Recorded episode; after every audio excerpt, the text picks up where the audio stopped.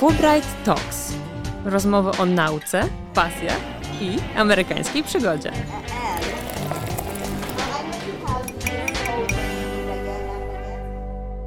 Cześć. Dzisiaj moją gościnią jest dr Margaret Amaka Ochianowak, która jest ekspertką w obszarze diversity and inclusion. Jest konsultantką, trenerką i wykładowczynią. Specjalizuje się w języku inkluzywnym i komunikacji włączającej. Prowadzi szkolenia o zarządzaniu różnorodnością etniczną. Cześć Margaret. Cześć Patrycja. Bardzo mi miło tutaj Ciebie gościć w tym bardzo ważnym temacie, który też porusza i, i myślę, że jest też bardzo otwierający. Zajmujesz się diversity and inclusion. No właśnie, i tak chciałam zacząć trochę tę rozmowę mm, od tej definicji. No bo mamy te ładne angielskie słowa um, diversity and inclusion, a czy tutaj w Polsce jest jakiś potencjał na w ogóle dobry słownik tych diversity and inclusion. Jakim ty językiem się posługujesz, jeżeli chodzi o te słowa tak w polskim słownictwie? Tak, ja jestem, ja jestem bardzo za tym, żeby w ogóle właśnie przekładać e, takie słowa, które są gdzieś tam z jakiegoś innego rejonu świata w innym języku na słowa polskie. I e, zazwyczaj, jak e, mówię o diversity and inclusion, albo raczej diversity, equity and inclusion, to posługuję się takimi słowami jak różnorodność, włączanie inclusion to by było to włączanie, ta inkluzywność e, też jeszcze nie dla wszystkich jest zrozumiała. No i sprawiedliwość społeczna, czy mm, wyrównywanie szans, czyli ten komponent equity. Zdecydowanie jestem za tym, żeby tych polskich słów używać i żeby taki słownik polskich właśnie haseł też tworzyć, związanych z obszarem no właśnie, zarządzania różnorodnością i inkluzywnością, e, no po to, żeby w ogóle ten temat przybliżać coraz bardziej, zarówno tak społecznie, ogólnie, ale też e, nawet, żeby po prostu tworzyć takie narzędzia dla osób, które się tym zajmują tutaj w Polsce e, lokalnie, do tego, żeby tę rzeczywistość zmieniać no właśnie nie jakimiś e, metodami, które pochodzą ze Stanów Zjednoczonych, no bo cały ten obszar diversity, equity, inclusion ma swoje korzenie w Stanach Zjednoczonych i w ruchach obywatelskich w Stanach Zjednoczonych. E, natomiast e, no to, co się dzieje w Europie i w kontekście też Polski jest trochę inne, trochę inne tematy są poruszane w tym obszarze. No i warto byłoby, żeby też terminologicznie zakres DEI był właśnie, czyli diversity, equity, inclusion językowo był właśnie nazywany też językiem lokalnym, a nie, a nie, nie, nie po angielsku tylko. Mhm. A czy to właśnie ten brak słownika trochę powoduje to, że też e, daje to takie odczucie braku widzialności tego, tego tematu?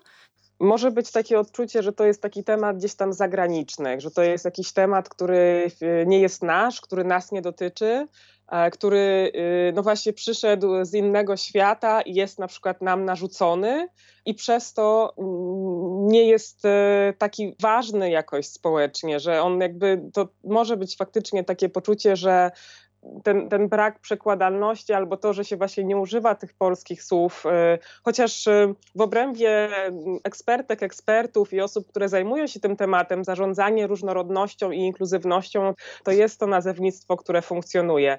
Ale faktycznie dla takich osób, które się tym nie zajmują, takie hasło DNI czy Diversity and Inclusion może kojarzyć się właśnie z jakąś taką modą, z jakimś trendem, który przyszedł do nas z zachodu i w ogóle e, do nas nie przystaje. Dlatego jestem taką adwokatką właśnie używania jednak e, polskich określeń i takiego właśnie włączania polskich e, nazw, jeśli chodzi o, e, o ten temat i o tę, o tę dziedzinę. Mhm. Tak jak o tym mówisz, to też tak czuję, że, że właśnie te polskie słowa mm, oddają trochę ten temat, w sensie, że one nie są aż tak jakby bardzo y, odbiegające, bo ta różnorodność, właśnie włączanie, to tak trochę współgra, prawda? To nie jest, że one są mega oderwane od tego diversity, equity and inclusion, tylko gdzieś tam współgrają z tym, z tym co chcemy przez te słowa oddać. Tak mi się przynajmniej wydaje. No zdecydowanie tak. Po pierwsze, to są po prostu tłumaczenia, tak literalne tych określeń. E, no i w tym sensie na pewno oddają, ale pewnie wymagają takiego większego wyjaśnienia właśnie, czym jest ta różnorodność, że w różnorodności chodzi o taką obecność e, osób o różnych cechach chociażby na poziomie e, organizacji czy na poziomie właśnie społeczeństwa o różnych cechach tożsamości. Więc tutaj odnosi się to do tego czynnika różnorodności społecznej. Jeśli chodzi o inkluzywność e, i włączanie, to tutaj będziemy mieć na myśli to, że te różnorodne osoby czy różnorodne właśnie tożsamości e, mają takie samo znaczenie, w, na przykład w decydowaniu o czymś właśnie społecznie czy, czy w organizacji i tak dalej. E, więc myślę, że jeśli wyjaśni się o co w tych pojęciach chodzi, to zarówno podobnie w języku angielskim też zawsze trzeba wyjaśnić, czym jest diversity, czym, czym jest e, inclusion, e, to, to myślę, że te, te, te pojęcia jak najbardziej mają rację bytu i szansę na to, żeby mm, były po prostu tak wpisane już na stałe, jeśli chodzi o nazywanie właśnie tego, tego obszaru. Mhm. Jasne. Wspomniałaś wcześniej właśnie o, o tym, że, że diversity, equity and inclusion jest bardzo rozpoznawalny w Stanach i też chciałam trochę o te Stany zapytać, bo mm, jakby różnorodność i to diversity widać jak na dłoni w Stanach, tak? Tam są jakby od razu możemy zobaczyć, że ludzie są bardzo różni, e, natomiast e, tutaj w Polsce wydaje się, że to zjawisko jest takie bardziej ukryte, takie bardziej zniuansowane. I czy dla ciebie jako dla badaczki, aktywistki, e, czy to jest wyzwanie, czy przeszkoda? I, i zastanawiałam się też, na ile różne są podejścia w Polsce i w Stanach. Wiem, że to jest takie pytanie bardzo duże, ale może zacznijmy od tego, czy to jest dla ciebie e, wyzwanie czy przeszkoda, jeżeli chodzi o, o to, że w Polsce tego diversity aż tak jakby nie widać jak na dłoni. Mm, chyba, że ty uważasz inaczej, to też będę e, wdzięczna za twoją opinię. Znaczy, to, co powiedziałaś, że faktycznie w Polsce tego, tej różnorodności nie widać tak bardzo jak na dłoni, to coś w tym jest, dlatego że ta różnorodność jest, ale ona jest trochę w innych y, obszarach, takich mniej widocznych y, niż chociażby w Stanach, gdzie bardzo ważnym aspektem e, pracy nad zarządzaniem różnorodnością jest, y, jest aspekt etniczności czy rasy, ale też aspekt płci, ale tutaj też podobnie tak jak w, w Polsce. Więc, ale ten aspekt etniczności, kwestii e, właśnie tego pochodzenia etnicznego, rasy czy koloru skóry jest w Stanach Zjednoczonych no, taki bardzo wyraźny i też obecny w, chociażby w szkoleniach właśnie zarządzania różnorodnością i inkluzywnością. E, I myślę sobie, że w Polsce po prostu ta różnorodność ma trochę inny odcień. O różnorodności w Polsce najczęściej z mojego doświadczenia chcą e, mówić osoby w zakresie płci, w zakresie orientacji psychoseksualnej, e, tożsamości płciowej, więc te dwa ostatnie aspekty tożsamości to będą takie mniej widoczne bardzo często. No, tożsamość płciowa, szczególnie w przypadku osób transpłciowych, to jest taka cecha, która jest niewidoczna e, u osoby, ale też w zakresie wieku, na przykład w zakresie niepełnosprawności, zarówno tej, która jest widoczna, fizyczna niepełnosprawność, ale też taka niepełnosprawność, której nie widać, czy e, tak zwana neuroróżnorodność, e, jakieś różne obszary naszych e, powiązań neurologicznych człowieka, które też różnicują ludzi, osoby w, spe w spektrum autyzmu e, i tak dalej, i tak dalej. Więc to są takie obszary, które najczęściej się pojawiają w Polsce. I faktycznie, jak się popatrzy na to, jak wiele tych cech tożsamości jest, ze względu na które Polacy i Polki są różnorodni i chcą na to patrzeć, mówię o tych organizacjach, które na przykład zgłaszają się mm, do mnie i chcą się edukować w tym zakresie, to, to nie można chyba powiedzieć, że polskie społeczeństwo jest jakoś mało zróżnicowane, tylko to zróżnicowanie ma po prostu inny charakter niż w Stanach Zjednoczonych. No w Stanach Zjednoczonych też ta tradycja w ogóle e, zarządzania różnorodnością jest e, po prostu dłuższa i taka no, bardzo też związana z ruchami takimi um, politycznymi, z, tak jak mówiłam, z ruchami obywatelskimi, chociażby Afroamerykanek i Afroamerykanów um, w latach 60., kiedy tak naprawdę w ogóle zaczęto mówić o diversity and inclusion. No, u nas jednak 90. E, lata to jest ten czas, kiedy w ogóle zaczęły, jakieś początki się zaczęły pojawiać takich właśnie treningów antydyskryminacyjnych czy treningów zarządzania zarządzania różnorodnością, więc no, jest to przesunięte. Mhm. No właśnie, bo mm, bo byłaś w Stanach właśnie na stypendium Fulbrighta y, na UC Berkeley, to teraz tutaj zdradzę naszym słuchaczom i słuchaczkom y, i zastanawiałam się, jak to wpłynęło na ciebie, na to postrzeganie różnorodności. Y, co dało ci to doświadczenie I, i czy korzystasz z niego dzisiaj, tutaj w polskich realiach?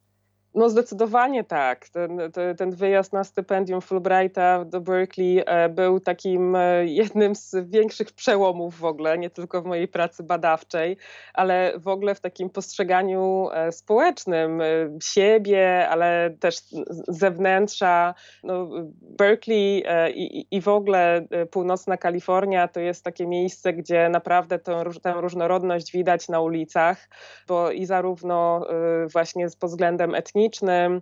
To są e, osoby pochodzenia latynoskiego, osoby e, pochodzenia azjatyckiego z różnych krajów, już teraz nie będę mówić też, e, które są osobami z doświadczeniem migracji albo są już w kolejnych pokoleniach w, w rodzinach właśnie migranckich. Osoby afroamerykańskie, no naprawdę tej etniczności i tego zróżnicowania w ogóle takiego właśnie widocznego jest bardzo dużo. No i też na kampusie kampusie to widać. E, to jest też taki, takie miejsce, które jest nie takie bardzo reprezentatywne dla całych Stanów Zjednoczonych, ale faktycznie no to też dlatego chciałam w ogóle pojechać do Kalifornii, szczególnie do Berkeley, e, żeby właśnie o tej różnorodności się mm, też uczyć, nie tylko ją obserwować. I myślę, że to spojrzenie moje na to, że faktycznie można funkcjonować mimo jakichś takich systemowych utrudnień i barier, które wciąż w Stanach Zjednoczonych są obecne, to mimo tego można funkcjonować w takim różnorodnym społeczeństwie tak dość pokojowo. I to jeszcze mm, no, dodaje naprawdę to, co ja zobaczyłam w Berkeley, to y, o czym się przekonałam, to właśnie o tej takiej wartości w ogóle społecznej e, różnorodności, że jak są różni ludzie z różnych miejsc, o różnych perspektywach, perspektywach, reprezentujące różne jakieś doświadczenia kulturowe, to wtedy jest więcej pomysłów, jest więcej e, kreatywności, innowacji, e, jest więcej perspektyw, które mogą doprowadzić do naprawdę stworzenia czegoś takiego ciekawego i nowego. I to było badawczo bardzo też ciekawe. No tam też pojechałam po to, żeby mm, właśnie uczyć się metodologii w ogóle badań e, nad rasizmem, które no też tam mają bardzo taką długą tradycję, więc no no szczególnie ten aspekt był dla mnie bardzo interesujący i taki poznawczy i mm, no, rozwijający. Mm, ta wizyta w Stanach no, była takim przełomem naprawdę i w dużym stopniu skorzystałam w ogóle z niej, jeśli chodzi o to, co robię e, nawet e, teraz, chociażby, żeby mieć taką właśnie porównawczą, gdzieś tam porównawcze odniesienie do tego, jak demograficznie wygląda, wyglądają Stany Zjednoczone, ale też jak na przykład zarządza się różnorodnością na poziomie uczelni, jak się w ogóle o tym mówi i tak dalej. I no, dzięki temu mogłam trochę tych narzędzi przywieźć do Polski, no i do dzisiaj z tego korzystam e, i staram się też je do, dostosowywać wciąż do kontekstu polskiego czy kontekstu Europy Środkowo-Wschodniej, tak szerzej mówiąc. E, jasne. Zastanawiam się też, e, no bo właśnie powiedziałaś o tym, że, że w Stanach jakby ten temat różnorodności no już funkcjonuje tak naprawdę od lat, tak? Także no dzięki temu też było więcej czasu, żeby nad nim pracować i żeby go też ulepszać, tak sobie myślę. Mm, natomiast jak to jest z tym tematem w Polsce? Bo myślę, że on jakoś jest taki trochę raczkujący, przynajmniej mi się tak wydaje. Jestem bardzo ciekawa Twojej opinii, bo tak naprawdę trochę ty jako osoba w pewien sposób jesteś adwokatką, budujesz te, ten, ten, ten temat, szkoląc i mówiąc o tym temacie. Mm, I zastanawiam się, z jakimi wyzwaniami się mierzysz? Jakby co jest, co jest trudne w, w, w nauczaniu o, o różnorodności, w pokazywaniu tej różnorodności? Mm, moje doświadczenia są z takiego też z kolei różnorodnego obszaru, bo zarówno e, z obszaru no szkole, takie firmy międzynarodowe, lokalne, czasem naprawdę duże organizacje, które mają takie przekonanie, że w ogóle ten temat jest ważny. E, szczególnie jeśli to są międzynarodowe organizacje, które mają oddziały w Polsce i mają też kontakty właśnie z osobami pracującymi w innych krajach, e, no i też z kadrą zarządzającą w innych krajach, to bardzo często to są organizacje, które są przekonane do tego, że ten temat jest ważny.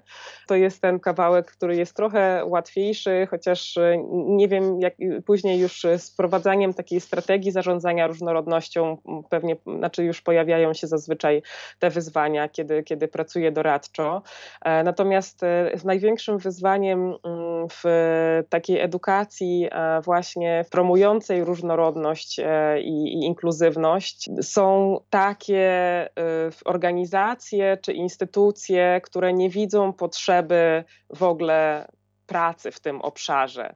E, mhm. I naj, bardzo często z różnych powodów są to właśnie jakieś, na, na, przykład często też pracuję w szkole, w szkołach podstawowych z nauczycielami, nauczycielkami i niestety no, taka jest, y, mimo takiej woli e, pojedynczych nauczycieli, nauczycielek, to jednak instytucja szkoły nie kładzie nacisku na to, żeby ta różnorodność e, gdzieś tam była promowana, czy w ogóle, żeby mówiono o tym, żeby się mówiło o tym, że no, wszystkie osoby, bez względu na to, skąd pochodzą, jak wyglądają, jaką mają sprawność i tak dalej, powinny być traktowane w równy sposób. Mm, to, co jest trudne, to właśnie taka e, chyba w ogóle przekonanie do tego, że ten temat jest ważny, bo mm, zarządzanie różnorodnością to jest takie, to mm, często jest utożsamiane z czymś, co jest po prostu nieważne. Myślę, że to, to jest taki duży problem, e, albo utożsamiane jest tylko na przykład z edukacją e, seksualną, z edukacją związaną z e, osobami LGBT, związaną z, e, z przeciwdziałaniem homofobii. To jest tylko część tak naprawdę całego obszaru zarządzania różnorodnością. Myślę sobie, że dużo jest takich właśnie błędnych przekonań jeszcze funkcjonujących społecznie w Polsce, dotyczących właśnie obszaru diversity and inclusion e, i ludzie po prostu boją się tego tematu. Jakoś wydaje im się, że no właśnie to jest jakieś zagrożenie, że to jest coś, co nagle wprowadzi jakąś rewolucję, albo każe im mówić w jakiś sposób, bo ten obszar, którym szczególnie się zajmuję, to jest e, komunikacja włączająca, język inkluzywny i często ludzie też utożsamiają ten temat e, z polityczną poprawnością, właśnie z jakimiś nakazami, zakazami, z jakimś słowniczkiem słów, którego trzeba używać, albo takich, których nie można używać i tak dalej. Tak naprawdę to gdzieś tam głęboko w tym wszystkim chodzi o po prostu takie otwarcie się na, in, na, na inność, na, y, o empatię do kogoś, kto jest po prostu inny niż ja, a często to jest właśnie jakoś tak e, zamykane w jakimś takim no nie wiem, po prostu wydaje się ludziom, że to jest coś, co, będzie, co im y, tak zrewolucjonizuje świat, że, e, że jakoś im zagrozi. E, I myślę, że to tak ogólnie, mm, to co ja obserwuję, to, to, to by było to, że po prostu to jest taka niechęć wobec e, tego tematu ale zazwyczaj jak już zaczniemy, zaczynam rozmawiać z osobami, które się ze mną spotkają i które na przykład, no nie wiem, no są, mają wątpliwości, to zaczynam właśnie tłumaczyć, że na czym to polega, że to nie jest jakaś konfrontacja z tym, co źle robicie, tylko raczej, mm, no właśnie mm, wzmocnienie Was w jakimś kolejnym obszarze kompetencyjnym, który w moim przekonaniu będzie i jest coraz ważniejszy w, w Polsce i w obliczu no, no różnych wydarzeń, e, takich globalnych i lokalnych, e, o których, w których jesteśmy częścią. Mhm. No właśnie, mówisz, że jak zaczynasz rozmawiać, to już jest właśnie, to już jest trochę lepiej. Pytanie, czy się zmienia na lepsze w ogóle? Czy widzisz tą zmianę, że, że jednak e, trochę coś rusza, e, że, że więcej osób się interesuje na przykład tym tematem? Nie wiem, czy, czy, czy, czy dostrzegasz taką zmianę? Tak, zdecydowanie tak. Ja teraz mówiłam o tych wyzwaniach, ale jak zapytałaś właśnie o to, czy jakie wyzwania widzę, to, to, to pomyślałam sobie, no naprawdę teraz e, tak e, wiele osób się do mnie zgłasza, chcą rozmawiać o tym e, temacie, czy chcą się w tym temacie właśnie jakoś doszkalać, uczyć, czy w ogóle potrzebują na przykład jakichś wskazówek, materiałów, gdzie mogą znaleźć e, informacje na temat chociażby języka e, inkluzywnego wobec osób niebinarnych, e, czy, czy, czy osób z niepełnosprawnościami i tak dalej, że wydaje mi się, że od od dwóch lat, tutaj zaryzykuję takie określenie czasowe, I to paradoksalnie właśnie, kiedy w, czasie pandemii coraz więcej osób się tym tematem interesuje. To wynika z takich różnych społecznych wydarzeń, które w 2020 roku miały miejsce na świecie, chociażby takie wzmożenie właśnie i globalna widoczność ruchu Black Lives Matter i w ogóle taki, takie położenie nacisku na to, że y, działania antyrasistowskie e, są, są ważne, ale w ogóle działania różne antydyskryminacyjne w różnych obszarach, w Polsce też różne wydarzenia, które gdzieś tam no właśnie pokazały, że ten aspekt takiej empatii, otworzenia się na kogoś, kto jest po prostu inny, e, na kogoś, kto ma jakieś inne cechy, jest ważny. I widzę, że ta polityka różnorodności e, w firmach, w organizacjach, czyli takie podejście do tworzenia środowiska pracy, w którym pracownicy i pracowniczki, niezależnie od różnic pomiędzy nimi, mają szansę na takie pełne wykorzystanie swojego potencjału, jest taka wzmacniana coraz bardziej, że to jest tak naprawdę coś więcej niż przeciwdziałanie dyskryminacji, na przykład ustalenie jakiegoś, nie wiem, kodu, czy, czy jakiegoś stanowiska firmy, czy jakiegoś prawa wewnętrznego w organizacji zakazującego dyskryminacji. Oczywiście prawo też no, państwowe tego zakazuje, natomiast y, myślę, że to właśnie takie przekierowanie z tego, że to jest nie tylko przeciwdziałanie dyskryminacji, ale wzmacnianie zespołów, wzmacnianie osób, firm, organizacji, instytucji na rzecz wykorzystania takich różnorodnych punktów widzenia, różnorodnych doświadczeń, różnorodnych pomysłów, które mają ogromną w końcu wartość e, i zarówno biznesową, i, i, i wartość taką społeczną, związaną właśnie z jakimiś, e, no właśnie, po prostu wartościami e, firmy chociażby, czy organizacji. Mm, no, no, no widzę, że coraz więcej osób się na, na, ten temat otwiera i ja jestem po tej stronie optymistycznej. Widzę, że znaczy też osoby, z którymi akurat mam kontakt, to są osoby, czy właśnie klientki, klienci, e, ale też e, organizacje pozarządowe, z którymi pracuję, które też propagują takie tematy, mm, są coraz bardziej aktywne i aktywni w tym temacie i e, coraz głośniej o tym mówią. Mm, chociażby też komisja Fulbrighta o tym mówi, więc to też jest jakiś e, znak, że to jest ważne.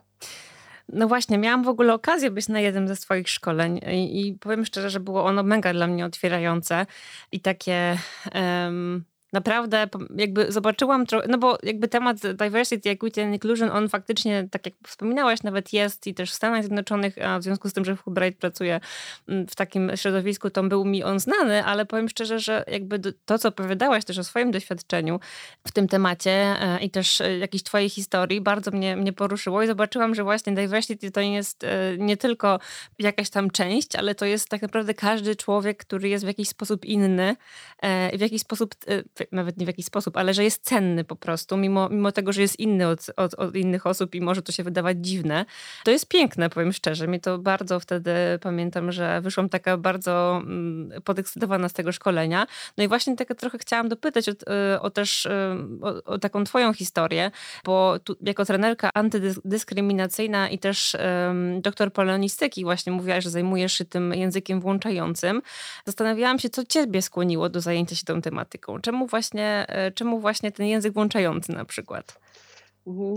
Y, no właśnie to, trochę odpowiedziałaś na to pytanie. Y, jestem językoznawczynią i, i, zawsze język polski był mi bardzo bliski, a szczególnie czułam to, jak właśnie wyjeżdżałam, czy to na stypendia, czy jakieś zagraniczne dłuższe wyjazdy badawcze, e, że ta polszczyzna jest dla mnie ważna i to, w jaki sposób ludzie do siebie mówią i o sobie mówią, e, no naprawdę mam takie poczucie, że może po prostu zmienić rzeczywistość, bo język nam e, nie tylko opisuje rzeczywistość, ale ją kształtuje.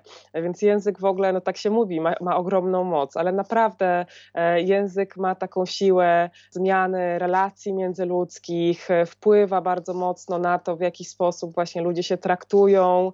Czasem bez intencji możemy kogoś wykluczyć, e, kogoś jakoś urazić naszym zachowaniem komunikacyjnym, na przykład, nie wiem, przerywając komuś, nie myśląc o tym, że przerywamy, ale, ale na przykład przerywając nie czekając na to, aż druga osoba dokończy zdanie. Więc to są takie przykłady, które właściwie mogłabym mnożyć z takiego codziennego życia, których my po prostu z powodu jakichś nawyków, y, czy to właśnie językowych, czy komunikacyjnych, e, my, my po prostu je stosujemy i nie zastanawiamy się nad tym, jak to może wpłynąć na drugą osobę. I to jest jeden aspekt tego języka. Aspekt w ogóle języka wykluczeń, czy w ogóle jakby obszarów wykluczeń, dyskryminacji i włączania też automatycznie, e, on wynika też z mojego, tak po polsku ładnie powiem, backgroundu kulturowego, bo jestem e, Polko-Nigeryjką.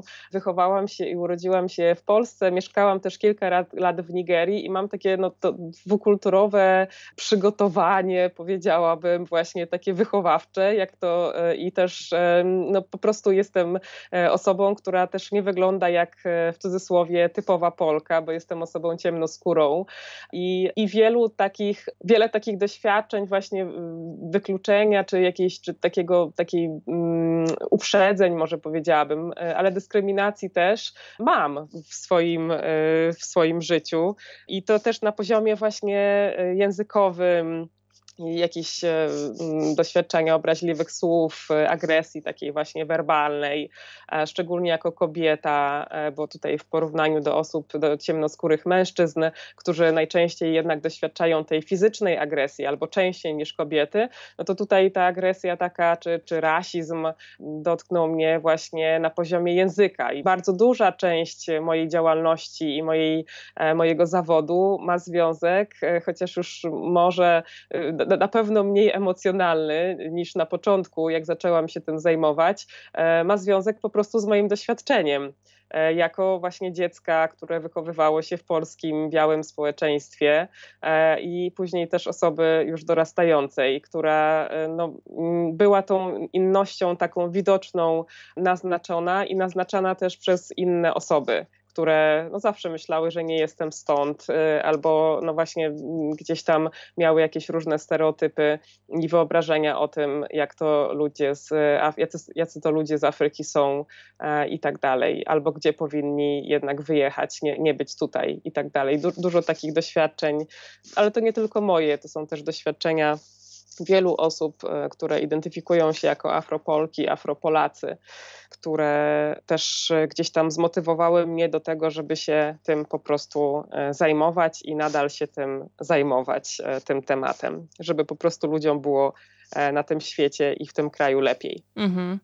No właśnie, bo, bo tak sobie myślę o tym, że, że jak wszyscy poczulibyśmy się włączeni, to by było w ogóle wspaniale, prawda? To w ogóle i, i zastanawiam się, to oczywiście pytanie takie bardzo ogólne i też e, nie, nie chcę powiedzieć, że nie, nie, do ciebie, bo nie wiem tego, ale e, skąd to się w ogóle bierze, te stereotypy? Ja się zawsze się nad tym zastanawiam. Nie mam pojęcia skąd, czy my wyrastamy w takich przekonaniach, czy my jakoś, nie wiem, skąd się bierzemy.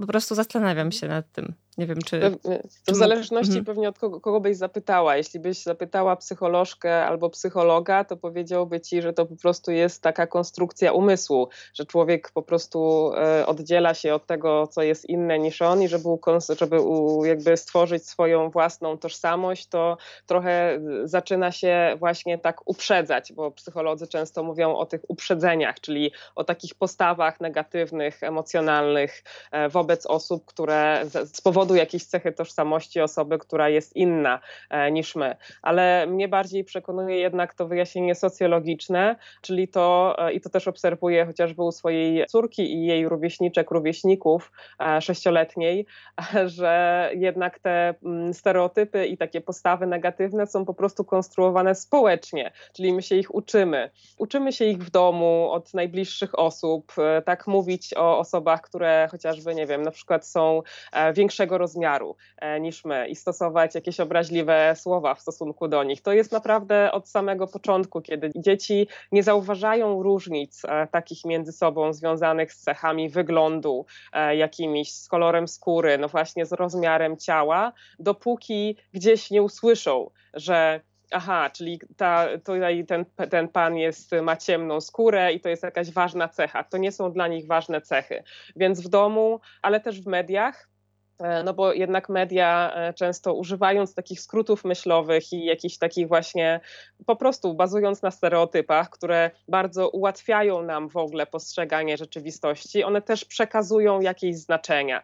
To, że media pokazują osoby uchodźcze jako inwazję, jako falę, jakąś zarazę, która przyjdzie z innego świata, które właśnie tworzą, one też bardzo dużo pracują na, na lęku, na zagrożeniu, one też utrwalają gdzieś tam te stereotypy w nas, ale to też niestety muszę powiedzieć, że w takich przekazach chociażby szkolnych, podręcznikach też często, kiedy na przykład pojawiają się lekcje na temat Afryki, to Afryka jest wciąż takim jednym kontynentem, na którym po prostu żyją sobie zwierzątka, gdzie żyje ten e, e, klasyczny murzynek Bambo, e, no, który też jest właśnie pełen takich uproszczeń, stereotypów i to też gdzieś tam kształtuje no, na poziomie właśnie edukacji, czy chociażby w pustyni i w puszczy powieść, gdzie też jest właśnie takie odniesienie do takiej kolonialnej nierówności pomiędzy białym a, a niebiałym. To też gdzieś tam kształtuje po prostu obraz e, nawet u dzieci i osób dorastających tego, jak inni, e, jacy są inni, jacy są właśnie ci ludzie z innych kontynentów, czy ludzie z innych krajów, czy, czy ludzie, którzy mają jakieś inne cechy, czy, czy o, o innych stopniach sprawności i, i, i tak dalej. Więc myślę, że z tych trzech rzeczy, czyli wychowanie w domu, taka socjalizacja szkolna, no i w końcu te media. E, no i też e, po prostu no to, że coraz więcej tych informacji, no właśnie w mediach, nie tylko, które mm, są też tworzone po prostu przez coraz więcej ludzi i to jest przekazywane, te przepływ tych znaczeń różnych, to też na pewno wzmacnia takie postawy E, stereotypizujące i postawy uprzedzeniowe. E, no i trzeba bardzo, no może nie bardzo, ale włożyć wysiłek w to, żeby mm, krytycznie do tego podchodzić, żeby no właśnie tak powiem mądrze, dekonstruować te znaczenia, żeby zastanowić się, no właśnie, czy wszyscy Romowie to są właśnie, y, nie wiem, brudni, bo to jest jeden z takich mocnych stereotypów dotyczących tej społeczności. E, zastanowić się, czy mogę użyć innego słowa niż e, ocyganić? E, odnoszę się znowu do języka, kiedy nie mamy nawet intencji obrażenia osoby romskiej, ale jednak używamy takiego słowa, które po prostu ma w sobie stereotyp e, osoby romskiej. Czy, mm, że ktoś jest Żydem, tak? No to też wiemy, znamy znaczenia tych słów, takie mm, no nie literalne, niedosłowne i one właśnie bazują na tych stereotypach, które my po prostu się tego nauczyliśmy i nie chcemy tego zmienić albo nie możemy, no bo jesteśmy tak bardzo przyzwyczajeni. Nie mówię, że to jest łatwe, to, to jest trudne. Zmiana nawyków językowych, też zmiana e, myślenia, takiej postawy. Bardzo często, kiedy nie ma środowiska, które, które jakoś reaguje na, na te stereotypy i na te takie krzywdzące właśnie uprzedzenia, wtedy no, czasem jest to niestety niemożliwe, jeśli ktoś nie, jeśli ktoś nie ma takiej woli, żeby to zmienić. Mhm. No właśnie tak jak o tym mówisz, to mi się skojarzyło, że faktycznie e, jakby też e, bardzo mi, mi jakby też samej zależy na tym, żeby ten język włączający stosować i mam taką historię też, że pamiętam, że raz ktoś powiedział murzyn, ja powiedziałam, tak, nie mów tak, nie mów tak, bo, bo jakby tak się nie mówi, no i używaj innej formy, tak, że tak ty, osoba czarnoskóra, afroamerykanie, afroamerykanka i powiem szczerze, że spotkałam się wtedy z takim, no ale o co ci chodzi? No przecież słowni, w słowniku takie słowo jest. E, ja byłam tak zszokowana po prostu tym, jakby dla mnie to było bardzo takie, jejku, właśnie takie zamykające, powiem szczerze. No i co z tego? Tak? To była taka odpowiedź, totalnie zamykająca. No ty pewnie się też spotkałaś wiele razy z takim, z takim podejściem. Tak, e, ale też e, mm, w ogóle debata na temat e, osłowie na M w ciągu ostatnich dwóch lat no, przybrała na sile, więc też jest więcej argumentów. Nie wiem, kiedy ta osoba, kiedy miałaś wtedy konfrontację z tą osobą. W zeszłym roku ale, chyba, tak. Aha, mhm. bo, bo teraz jest po prostu więcej argumentów, chociażby takiej osobie, jest kilka takich strategii, które możemy zastosować, kiedy ktoś w ogóle posługuje się takim językiem dyskryminującym czy wykluczającym. Możemy powiedzieć, odwołać tę osobę do jakiegoś autorytetu właśnie. I tutaj dlatego właśnie mówię o tym słowniku. Mm, okej, okay, słownik, który został stworzony przed najnowszą decyzją Rady Języka Polskiego, że jednak jest to słowo obraźliwe, decyzja Rady Języka Polskiego z 2020 roku, więc można odesłać po prostu do jakiegoś autorytetu, bo zakładam, że dla takiej osoby autorytetem nie są osoby, których to słowo dotyczy, bo taki pierwszy krok, no to to jest właśnie pytanie, czy osoby, których dotyczy słowo na M w ogóle chcą używać tego słowa. No wiemy już teraz y, y, i wiele jest źródeł, chociażby debata Mm, osób, e, kobiet z Black is Polish e, na temat e, właśnie tego Don't Call Me Murzyn, na temat tego słowa, które pokazuje, że te doświadczenia związane z tym słowem i takie emocjonalne i, i zarówno wspomnienia jakieś sytuacji i tak dalej są na tyle silne i negatywne, że po prostu osoby nie chcą tego słowa używać. Więc najczęściej, kiedy mówię o języku włączającym, jedną z takich zasad języka włączającego jest e, empatia i otworzenie uszu na drugą, na to, co druga osoba mówi do nas, czyli jak druga osoba chciałaby być nazywana. Ale odwołanie się do autorytetu to jest jedna ze strategii. Można w takiej sytuacji też zadać, dopowiedziałaś o tym, że to zamknęło waszą dyskusję. I teraz pytanie, jak ty byś mogła na przykład otworzyć, zamiast mówić e, nie mów tak, bo to nie jest dobre słowo i tak dalej, to można by było na przykład otworzyć tę dyskusję, bo to już jest taki komunikat zamykający. Nie mów tak, zamknięcie. Można by było powiedzieć, a, a dlaczego w ogóle się posługujesz takim słowem, skoro no właśnie mm, osoby, których ono dotyczy, czarne osoby czy Afrykanie, y, osoby czarnoskóre, no, czują się urażone, kiedy tego słowa się używa. No i wtedy to otwiera taką dyskusję, otwiera jakieś y, dyskusję, na, otwiera pole na jakieś wyjaśnienie, dlaczego ta osoba tego słowa używa. Zazwyczaj pojawia się argument dotyczący tego słowa, że tak już jest właśnie w słowniku, że to jest taka tradycja i tak dalej, ale przynajmniej to nie zamyka całej dyskusji. To znaczy, przynajmniej dajemy jakiś taki sygnał, że to nie jest ok. Możemy też odwołać się, no właśnie taki argument dotyczący skutku, konsekwencji, bo Język włączający jest językiem w ogóle skutecznym, a słowo na M nie jest skuteczne, bo ono nie będzie docierało do odbiorców tak, jak odbiorcy tego chcą. Odbiorcy, czyli osoby, które są tak nazywane. Kiedy będziemy się tym słowem posługiwać i chcemy na przykład, nie wiem, chcemy no, być po prostu w relacji z inną osobą dobrej, no to czarną, no to nie, uży, nie użyjemy tego słowa tak sobie myślę, że to czasem jest chyba nie do zmiany. Jeśli ktoś ma jakieś takie, taką postawę, że będzie tego słowa używał i już bez względu na to, jak osoby, których ono dotyczy, chcą, żeby było używane, czy, chce, czy chcą, żeby było używane, no to po prostu dorosłej osoby też nie zmienimy. I to jest, e, wydaje mi się, jedno, jeden z ważnych aspektów w ogóle pracy w edukacji antydyskryminacyjnej czy edukacji włączającej. Takie mm, nastawienie, że no, nie zmienię całego świata, że Y, te osoby, które będą chciały coś usłyszeć i będą chciały wyjść z jakąś refleksją z tego szkolenia, spotkania, warsztatu, wykładu, e, rozmowy, to, y, no to, no to, to zrobią. A jeśli ktoś y, no, ma te zamknięte uszy, to ta praca po prostu jest, e, powinna być jeszcze głębsza. Być może jakaś indywidualna właśnie rozmowa, być może mm, jakiś w innym obszarze rozwinięcie tego tematu i tak dalej. Mhm. A zastanawiałam się jeszcze nad, yy, tak teraz przyszło do głowy, jakby w języku włączającym zaczęły pojawiać się, znaczy nie wiem właśnie, to, to jest moje pytanie. Jak mamy język włączający, mamy te podkreślniki. I nie wiem, czy ty się z tym spotkałaś, czy to jakby, czy tego można używać, bo jakby też to jest dla mnie bardzo, bardzo ciekawe, czy, czy właśnie na przykład w oficjalnych komunikatach możemy tego stosować.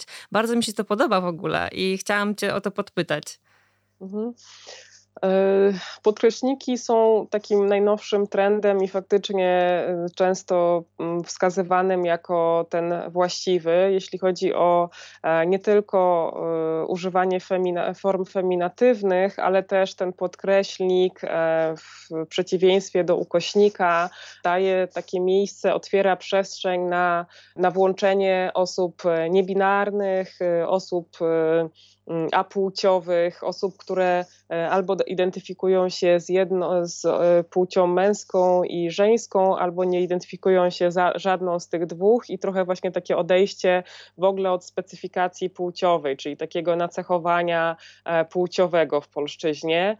Mm, dla mnie to rozwiązanie graficznie jest Mm, wysoce niefortunne niestety, bo ono wprowadza taką, taki nadmiar, nadmiar słów, ale z drugiej strony nie widzę obecnie niczego w polszczyźnie, co mogłoby ten problem rozwiązać, niczego innego niż e, staranie się o to, żeby używać takich form neutralnych płciowo, co w rzeczownikach w polszczyźnie jest bardzo trudne, ale już we flexi, w jakiejś odmianie, w, we wprowadzaniu na przykład czasowników w odpowiednim E, w odpowiednich formach, czasach. Czas teraźniejszy jest taką, takim czasem bardzo neutralnym płciowo. Właśnie odejście od przeszłego czasu, odejście od używania przymiotników, czyli też to się wiąże z dynamizacją w ogóle treści. I szczególnie w tych formach pisanych, gdzie chcemy zarówno mieć ekonomię języka, czyli te przekazy najlepiej jak są proste, współczesne, takie zrozumiałe, dynamiczne,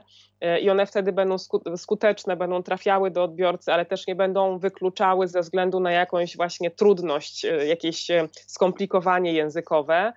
To z jednej strony a z drugiej strony właśnie unikanie jednak tych e, form, ty, tych miejsc, gdzie no, stosujemy nadmiar tych podkreślników, bo jeśli jest jeden podkreślnik, nie wiem, nazwa stanowiska na przykład e, w ogłoszeniu o pracę, no to jest ok, ale kiedy robi się takie zdanie właśnie z tymi podkreślnikami i tych podkreślników jest dużo, to te podkreślniki trochę wyglądają jak takie, jak w szkole czy, czy do nauki języka obcego, że trzeba było gdzieś tam wstawić jakąś literkę która brakuje w danym słowie i to robi się po prostu graficznie e, bardzo nieczytelne. To też pokazuje, jak bardzo język inkluzywny, język włączający i w ogóle język ewoluuje dlatego że jeszcze kilka lat temu powiedzenie o osobie z niepełnosprawnością e, ta niepełnosprawna było mm, dla wielu osób ok.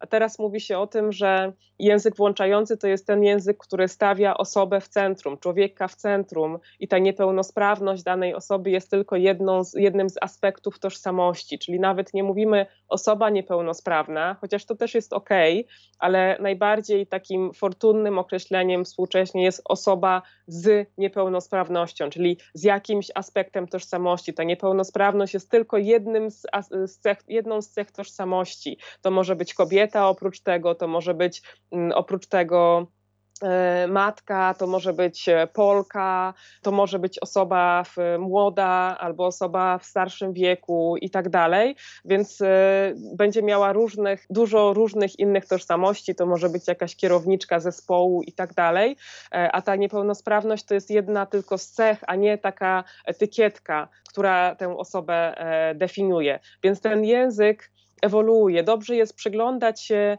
różnym trendom, które się też zmieniają, ale myślę sobie, że takie wracanie do tego sedna, dlaczego w ogóle ten język się zmienia, dlaczego właśnie ten podkreślnik się po pojawia. No po to właśnie, żeby, że język próbuje trochę odpowiedzieć na taką potrzebę społeczną włączania osób, które do tej pory nie były chociażby widoczne w takiej komunikacji, czy to publicznej, czy to prywatnej, ale w ogóle w komunikacji właśnie e, pisanej.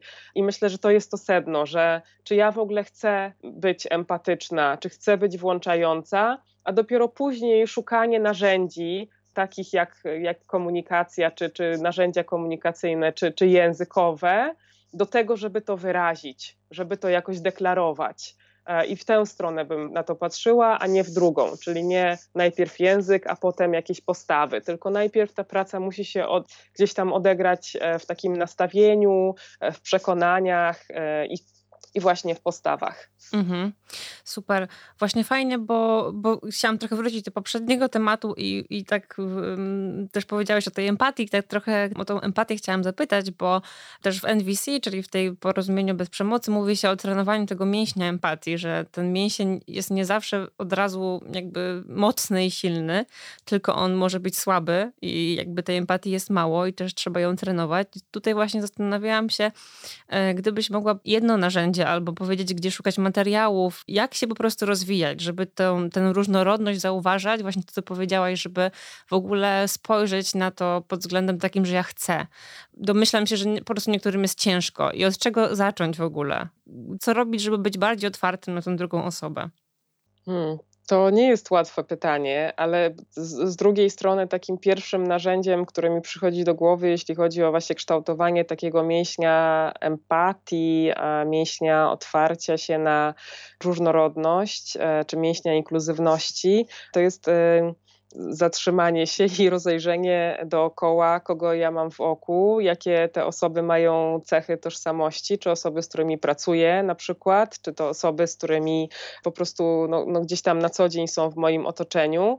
Takim Jednym z takich e, narzędzi, które możemy już zastosować, e, są takie tak zwane mikroinkluzje, czy mikrowłączanie w takich, e, w takich interakcjach naszych codziennych. Mm, na przykład, kiedy rozmawiam z drugą osobą, e, dobrze jest się przyjrzeć temu, czy ja e, rozmawiam z taką uważnością, czy na przykład w trakcie rozmowy patrzę jeszcze na telefon. To szczególnie w, teraz w tych kontaktach online widać, kiedy ktoś naprawdę słucha i e, mimo tego, że to jest trudne, warto jest podjąć ten wysiłek. Czy naprawdę słuchamy osoby, z którą jesteśmy akurat na spotkaniu, czy w tym czasie przeglądamy jeszcze sobie jakieś maile, przeglądam telefon, jakieś powiadomienia i tak dalej czy naprawdę jestem e, tu i teraz. Myślę sobie, że to akurat nie wymaga sięgania po jakieś narzędzia, tylko znaczy takie zewnętrzne, tylko to narzędzie jest w nas, ta, taka uważność na drugą osobę. E, albo na przykład kiedy mm, prowadzimy jakieś spotkanie, przyjrzenie się temu i są na tym spotkaniu osoby, które mają imiona brzmiące jakoś odmiennie kulturowo na przykład, albo tak brzmiące, tak trudne do wypowiedzenia i jesteśmy w otoczeniu tych osób, czy my w ogóle podejmujemy jakiś taki wysiłek, żeby, czy my w ogóle pytamy na przykład drugą osobę, jak twoje imię się wypowiada, jak się wymawia twoje imię, e, jak byś chciała być nazywana, bo przecież imię to jest taka nasza podstawowa jakaś jakaś, jakieś podstawowe narzędzie identyfikacji. Każda osoba, która funkcjonuje społecznie, ma jakieś, mm, jakieś imię, które lubi bardziej. Czy to jest Ania, czy to jest Anka, czy to jest Patrycja, czy to jest Patty. Fajnie jest, jeśli na co dzień jesteśmy w takim kontakcie codziennym, wiedzieć, czy, to, czy te, która, którą formę dana osoba lubi. To są takie właśnie mikro rzeczy. Jeśli ktoś e, ma imię, które jest trudne do wypowiedzenia, to nie nadajemy tej osobie imienia takiego, jakim my chcemy, tylko pytamy, jak się właśnie Twoje imię wymawia. E, więc taka nawet e, właśnie uważność na imiona i na wypowiadanie ich w sposób taki poprawny i taki, jaki druga osoba chce. Albo druga rzecz to jest jeszcze mówienie o zaimkach, jakimi zaimkami, pytanie o zaimki, jak, jakich zaimków używasz.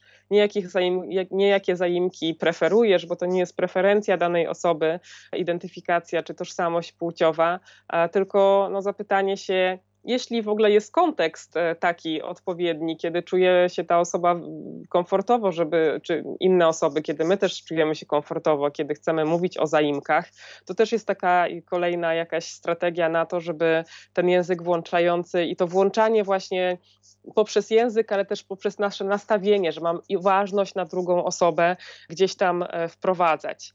Na poziomie organizacyjnym to też może być na przykład wspieranie świąt różnych, nie tylko takich, które e, u nas w Polsce są, e, są świętowane, ale na przykład wolny dzień w pracy, czy kiedy mm, osoba o niekatolickim, e, która wyznania niekatolickiego ma jakieś święto, albo w, w trakcie ramadanu dla osób muzułmańskich też jakiś może elastyczny czas pracy, wtedy kiedy one mogą więcej uwagi poświęcić pracy i kiedy ich organizm jest w stanie to zrobić, a nie wtedy, kiedy nie piją i nie jedzą i to jest jakoś w środku naładowane tego dnia. Są rzeczy, które są ważne, przy których się trzeba skoncentrować.